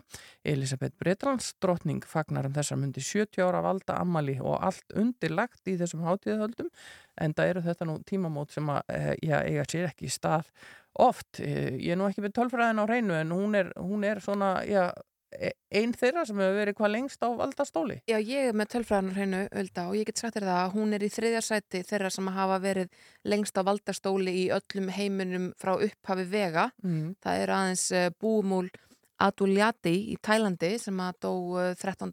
oktober 2016 sem að hafi verið uh, nýju dögum lengur en hún hefur verið núna. Já, þannig að hún, hún lítur Stutt í að ná það með nákvæmlega. En svo er það sko uh, Lúðvík 14. fraklandskonungur hann uh, ríkti í 72 ár 110 daga þannig að hún þarf að ná tæplega tveimur ára með viðbútt til þess að stökku upp í eftirstætti listans og auðvitað tolla þar sko svo lengi sem við lifum. Já, Já. Þetta, er, þetta er magnað og til þess að segja okkur aðeins af þessu og ræða þetta er komin Sigriður Pétursdóttir, fyrirverandi Lundúnabúi og áhuga kona um konungsfjölskylduna. Gaman að fá þig í hús. Takk hella. Þú ert auðvitað búin að fylgjast, verið límt við, við skjáin að fylgjast með þessu í gær og, og svona setja þið inn í málinn. Já, ég hef gaman af þessu. Það, veist, það, það gerist einhvern veginn sjálfkrafa.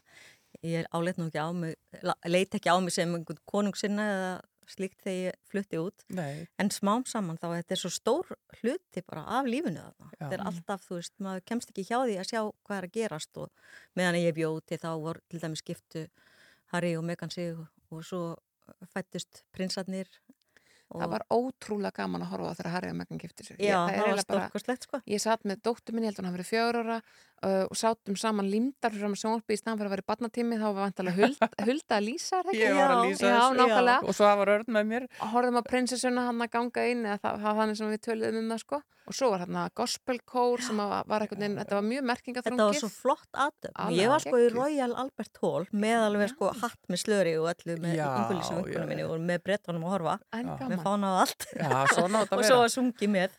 En það, það er stemming, sko. þessi stemming sem að er svo alls ráðandi þarna núna, sko, fólk hefur mismunandi skoðanir á því hvort að konums uh, fjölskyldan eigi að vera þarna og, og í hvað peningarnir fari og allt svo, en Elisabeth er vinsæl. Já, hún er rosalega vinsæl. Og ég mitt sá það uh, á viðtölum við marga í gær, ég viðtölum við marga að eh, sem sagt fólk var að segja, já ég veit ekki alveg þegar hún hættir, þá veit ég ekki alveg hvort konungsfjölskyldan Nei. á að vera áfram. En svo er bara annað, það er marg útreiknað að breyta græða svo miklu meira á að hafa þau heldur en ekki sko. Já, er svo svoleiðis? Já. En getur ekki Og verið það- að sá gróði mingi þegar hún fellur frá? Jú, það er alveg sjensi, það fyrir allt eftir í hvernig hlutinni þróa sko. Já. Þetta eru svo ofbóðslega mörg hundru uh, sko, fyrirtæki sem lifa á þessu og mörg tugir þúsunda fólks Mhm. sem að lifa á þessu. Já. Það er bara, og fyrir utan allan sem sagt útflutning og innflutning og bara allt, þetta er, Já, þetta er marg útreikna dæmi. Hver eru hápuntar Elisabetta drottningar? Vá. Ég, ég þóri nú ekki að segja það sko. Af því mínir hábúndar er líka einhvern veginn bara allt aðrir heldur en annara. Það eru örgulega, þú veist, hábúndar þeirra sem eru svona fylgjast með öllu þessu doti. Það, það er eitthvað, einhver svona krýningaramali og svo leiðis. En hjá mér er það svona það sem hún gerir á bakvið tjöldin eða, þú veist, kemur samt í fréttinnar Mhm. eins og þegar, þegar að prinsina Sáti-Arabíu kom til Bretlands í ofnbæra heimsók og á þeim tíma þá, kun, þá máttu konur í Sáti-Arabíu ekki keira og hún, hann kom og, og borðaði í höllinni og eða, eða sérst á landinunnar og hún fer með hann í bíltúr keiri sjálf, landróin sinn. Og ekki nóg með það að hún gerir það heldur í miðjum bíltúr þá opnar hún sem sagt húttið og fyrir að gera við bíl. Hún var velvirki í, í stríðinu. Þannig að hún kunni alveg á það. Já. og hann satt bara fölur á meðan sko. Stjarfur yfir þessi Já, drottningin En hefur það til dæmis haft mikil áhrif í þessum geira þar að segja á jafnréttismál? Já, mjög. Og líka uh, hefur barist fyrir réttindum samkynneðra til dæmis, mjög.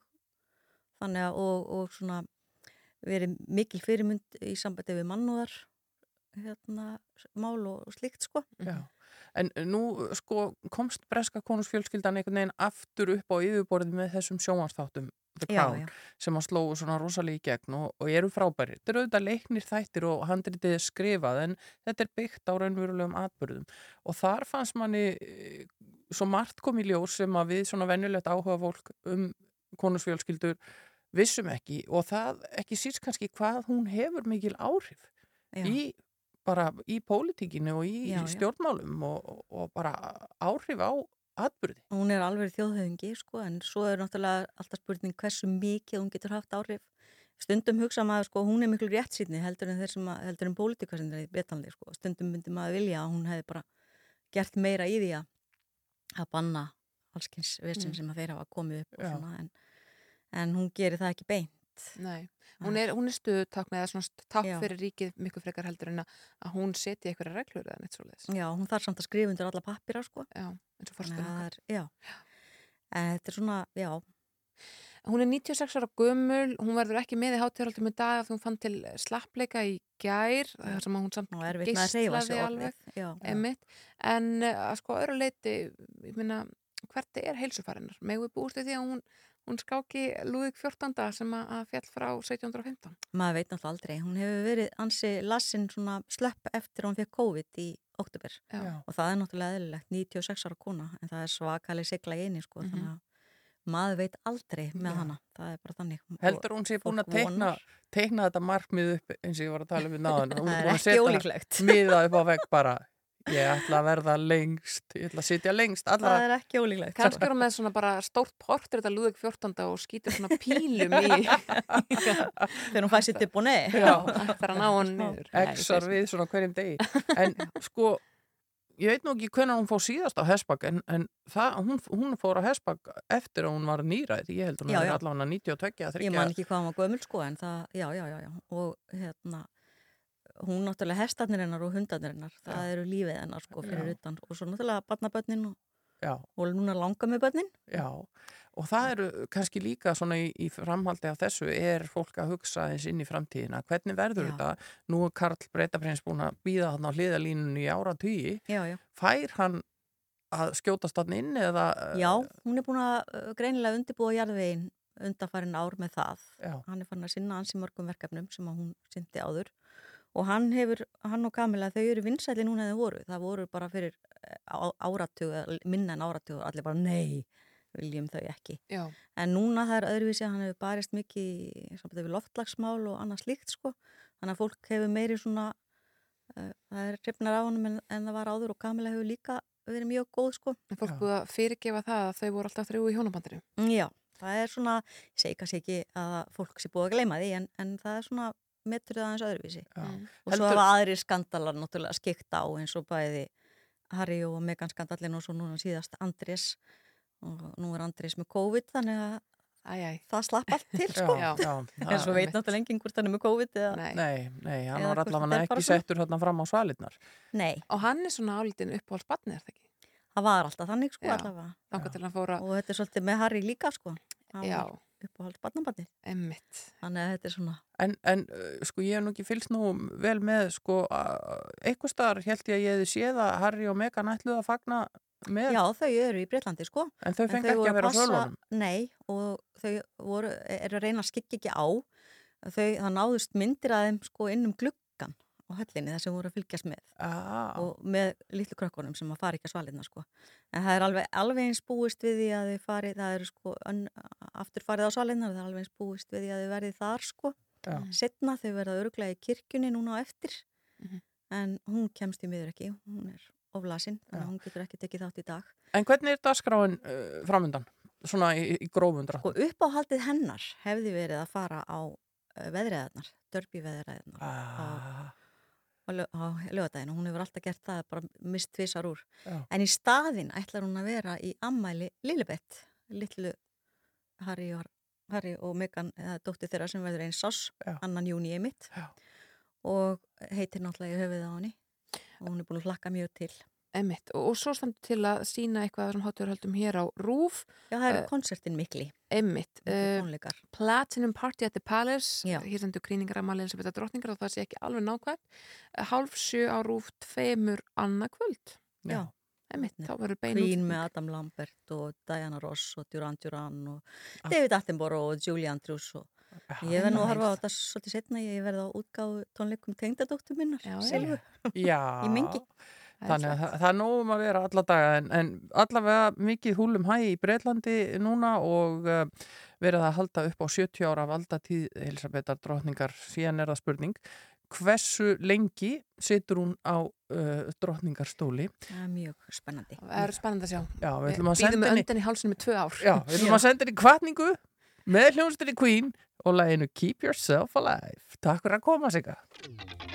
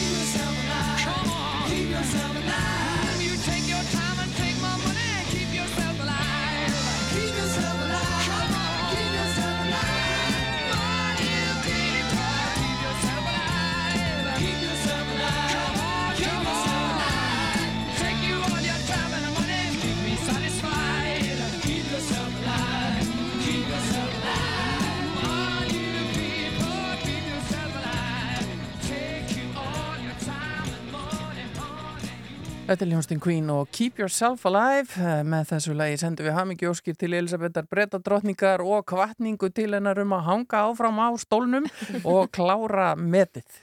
Já, algjörlega. Það, eru tæp tvö ár sem hún hefur til stefnu. En í vikunni lög margra vekna löngum réttarhöldum í meðra lögsókn leikarans Johnny Depp gegn fyrirverandi eiginkonu sinni Amber Heard. Dómur fjall Depp í vil sem kom kannski ekki endilega á óvart fyrir þau sem hefur fylst með af hlýðalínu samfélagsmiðla. En það er spurning hvað er satt að lögja því og hversu rétta mynd fólk fekk. Hún er komin inga til að, krifja þetta mál. Ólfur Ragnarsdóttir, frettakona frettstofu Rúf, verður velkomin. Takk. Sko, komið sér dómur þeirra óvart? Sko ég, sko mér personlega pínulítið út af því að ég hef búin að lesa um það hva, hversu erfitt það er að sanna svona mál í bandaríkjanum. Nefnitt. Og svona lög, lögfræðingar í bandaríkjanum einhvern veginn svona voru uh, flestir á því að þetta erði erfitt fyrir hann en samt þegar maður fyrir á samfélagsmiðla þá einhvern veginn er maður bara vá, já, það halda allir með honum og, og hérna al almenningsáliti var greinilega svona þegar leiður réttarhöldin mjög mikið honum í vil Mhm. og hérna hann er svona já og nei eða Mhm. Það, sko, það sem hún nefnir hér að hafa verið sérst, flókið að sanna er að ekki nóg með það að hann þurfti að sanna það að þetta hefði verið meðandi greina sem hann er endar ekki nefndur á nafn uh, en hann þurfti að sanna að það, hún hefði verið lögð fram eða sett fram með sko, ákveðnum illvilja. Hún hefði ætlað sér að koma að höggja á hann með þessari grein. Já, alveg bara með íllum ásendingi og, og kviðdómurinn þessi sjömanna kviðdómur bara fjálst algjörlega á það að það hafi bara verið raunin mm. einmitt eins og segir, ekki bara hún hafi verið að ljúa heldur til þess að koma að höggja á hann Mhm. en, en það sem ég finnst líka áhugavert í þessu er sko að hann tapar fyrir tveimur árum svipuð máli í Breitlandi sem hann höfðar gegn The Sun, gödublaðinu fyrir að hafa fullirt að hann sé ofbeldsmaður og hafi beitt hann á ofbeldi uh, dómarinn í því máli telur engan vafa leik á því að hún hafi óttast um lífsitt Amber Heard Mm. en síðan þetta eru þetta ekki nákvæmlega einsmál en þetta eru svipumál og, og BBC rætti við uh, lögspekking sem að segja að þetta sé bara mjög óalgengt að svona mál uh, fái mismunandi niðurstöðu sikkur megin við uh, hafið. Mhm. og hérna og hann þessi, ég mann mann ekki nákvæmlega hvað hann heitir, þessi lögspekkingur en hann, hann telur að aðal breytan í því hafi verið kviðdómarakerfið að þarna hafa voru bara sjö manns sem að uh, áttu að gera upp við sig hver er að segja satt og hver er að ljúa og hvar sannleikunum liggur í þessu máli Já. en í Breitlandi var það dómari Einmitt. og það er auðvitað kannski svona akkjælisra hæll bandaríks réttakerfis að þetta snýst ekki endil alltaf um lög í raun og veru Nei, mitt það er kannski þetta er svona leikmanna leikmanna uh, réttakerfi maður getur ímyndað sér veist, að því að svo, þegar maður er að fylgast með þessu sjálfur eh, eins og ég gerði svona undir lokin allavega þessu var ítt rosalega aðmann á samfélagsmiðlum sérstaklega á TikTok svakalegt. maður bara endalust að myndböndum hvað hún væri umuleg og, og allt það sko og ég hugsaði bara vá, ég myndi ekki vilja vera í kvitum í þessum máli Nei. Þú veist. Sko, einhverjir hafa verið að tala um að, að þessi niðurstaða sé uh, áfall fyrir jafnbryttsbartuna, fyrir konur um alla heim, þólendur uh, kynbundis ofbeldis og heimilis ofbeldis. Er það svo? Sumir telja það, en ég, ég veit ekki held að ég bara eftir að koma í ljós, en, en mér svo eru aðrir sem að hérna, fagna niðurstöðinu þetta mjög aðdándur hans og maður sá, þetta var eiginlega sko Lítið- merkilegt að sjá hvað var óbúslega mikil hiti í þessu og hvað fólk skiptist í, í tvo hópa. rosalega og þetta var bara eins og sko einhver íþróttakapleikur einhvern veginn, þau byðu fyrir utan og það niðurstöðun ljós og fólk bara öskrandi bara, þú veist, því líka gleðin og, og þannig að fólk var mjög já, var að fylgjast mjög grann með þessu og einhvern veginn tengdi djúft við þetta og, og greinilega aðalega hann. Ég tók um þetta eftir því þau hérna, settu bæði yfirlýsingu á Instagram beint eftir niðurstöðuna. Ég held að hann sé búin að fá 17,5 miljón af lækum á sitt en hún 350.000. Það sér maður svolítið munin. Já. En já, þetta er bara það, er rosalega áhugavert mál en hvers, hverjar afleggingarnar verða auðvitað hættan er svo að konur sem að sjá hvernig hvaða útreið hún fekk á Já. samfélagsmiðlum bara, úst, úf, þú er ég í þetta Mhm. en, en maður veit það ekki Nei. Mjög svo, mjög svo áhugavert mál og, og, og hún ætlar að áfrýja þannig að því er svo sem ekki lokið þannig að Mér skilst að það sé nú dóltið erfitt í svona málum. Já. Uh, Þetta er þetta engamál og, og kviðdómur búin að... Ég, veit, ég kann ekki alveg löffræðina bak við það en mér skilst að það sé hérna, ekkert auðsótt að, að, að áfriða svona en, en það er það sem að löffræðingun hennar segir að, að þau gerir klárlega sko. Fer þá áf, áfrið til alreikistómstóls eða eitthvað svoleiðis? Ég bara ég er ekki alveg klára á því hvort það sé... er- að- það er ansi flókið kerfi Já, þetta er náttúrulega í Virginíu Mhm. hérna, ríkinu og það er einmitt, og svo líka eitt í þessu er að hérna, uh, lögfræði teimi hennar gaggrindi mjög að dómarinn hafi leif, leift myndatökur. Já. Þetta var doldið mikill sirkus kannski út Já, af því já. og, og hérna Já, og svo líka verið gaggrind að kviðdómarannir hafa ekki verið settir í einangrun þegar maður bara sagt ekki fara á samfélagsmiðla. Já, eins, eins og það dugir nú til. Já, maður veit svo sem ekki um það. Takk fyrir að kíkja við hjá okkur Ólfur Ragnarsdóttir fréttamaður og, og fara aðeins yfir þetta mál sem hefur verið svo mikið í fjölmjölum undafarið Við ætlum að, kveðja hérna á morgunútarpinu Snærós og Hulda. Mm, ætlum að fara að koma okkur hérna út úr stúdíu 2 og Þórður Helgi tekur við. Uh, Það er morgunverk framundan og síðan uh, popland eftir hádegi og, og allt þetta helsta sítiðis útarpi á sínum stað og, og uh, dagskráin bara eins og hún á að vera. Já, morgunútarpi verður aftur að dagskrá á þriðudag eftir annan í kvítasunni. Já, við hvetjum fólk til að kynna sér kvítasunnu dagskrána að margt mjög áhugavert í bóði hér hjá okkur. Rúna Róbesson allar að fjalla til dæmis um hljómsveitina Duran Duran í þremur þáttum. Jón Ólafsson allar að líti yfir uh, feril Paul McCartney sem verður 80 ára í þessum mánuði og margt fleira kíkið á það inn á vefnum okkar rú.is. En við þökkum fyrir okkur, hveðjum með Madonnu og læginu Vogue. Góða helgi.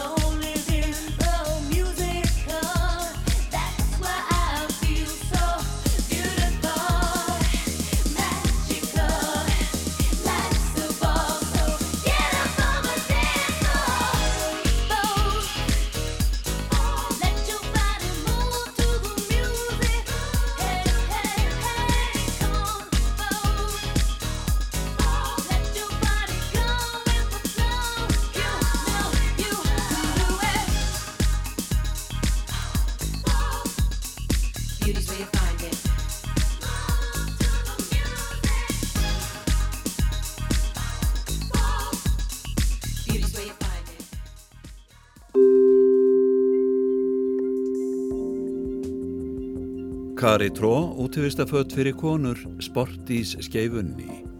Hvítasunnu tilbóð, hvítasunnu tilbóð á nautalundum, melabúðin. Ertu fyrir vestan, sjóminnesafnið Ósvör Bólungarvík, báta og hlunendasýningin Reykjólum og safnahúsið á Ísaferiði. Gleðilegt sumar, langtíma stæði, skamtíma stæði, tjaldsvæðið á borgi Grímsnesi. Startarar og alternatorar ljósbógin.is Linsan 50 ára 50% afmælisafsláttur af sjónglerjum Linsan skólavörðu stíg Sumarblóm og matjörtir réttarhóll.is Svalbardseiri Tenerife flög og gisting 90.400 úrvalútsín.is Allt fyrir ferðalagið heimkaup Kondi hernargreiningu, hernarþjónustan hern, Kópavogi. Kondi út að veiðan, veiðikorti.is. Bókabú forlagsins á fiskislóð er opinn til klukkan 6 í dag, forlagið. Göngugreining, göngugreining, stóð.is. Tíu dagar, Almeria, 84.900, úrvalútsín.is. Skoðaðu Krínstón yfirhafnir hjá rafnildi.is.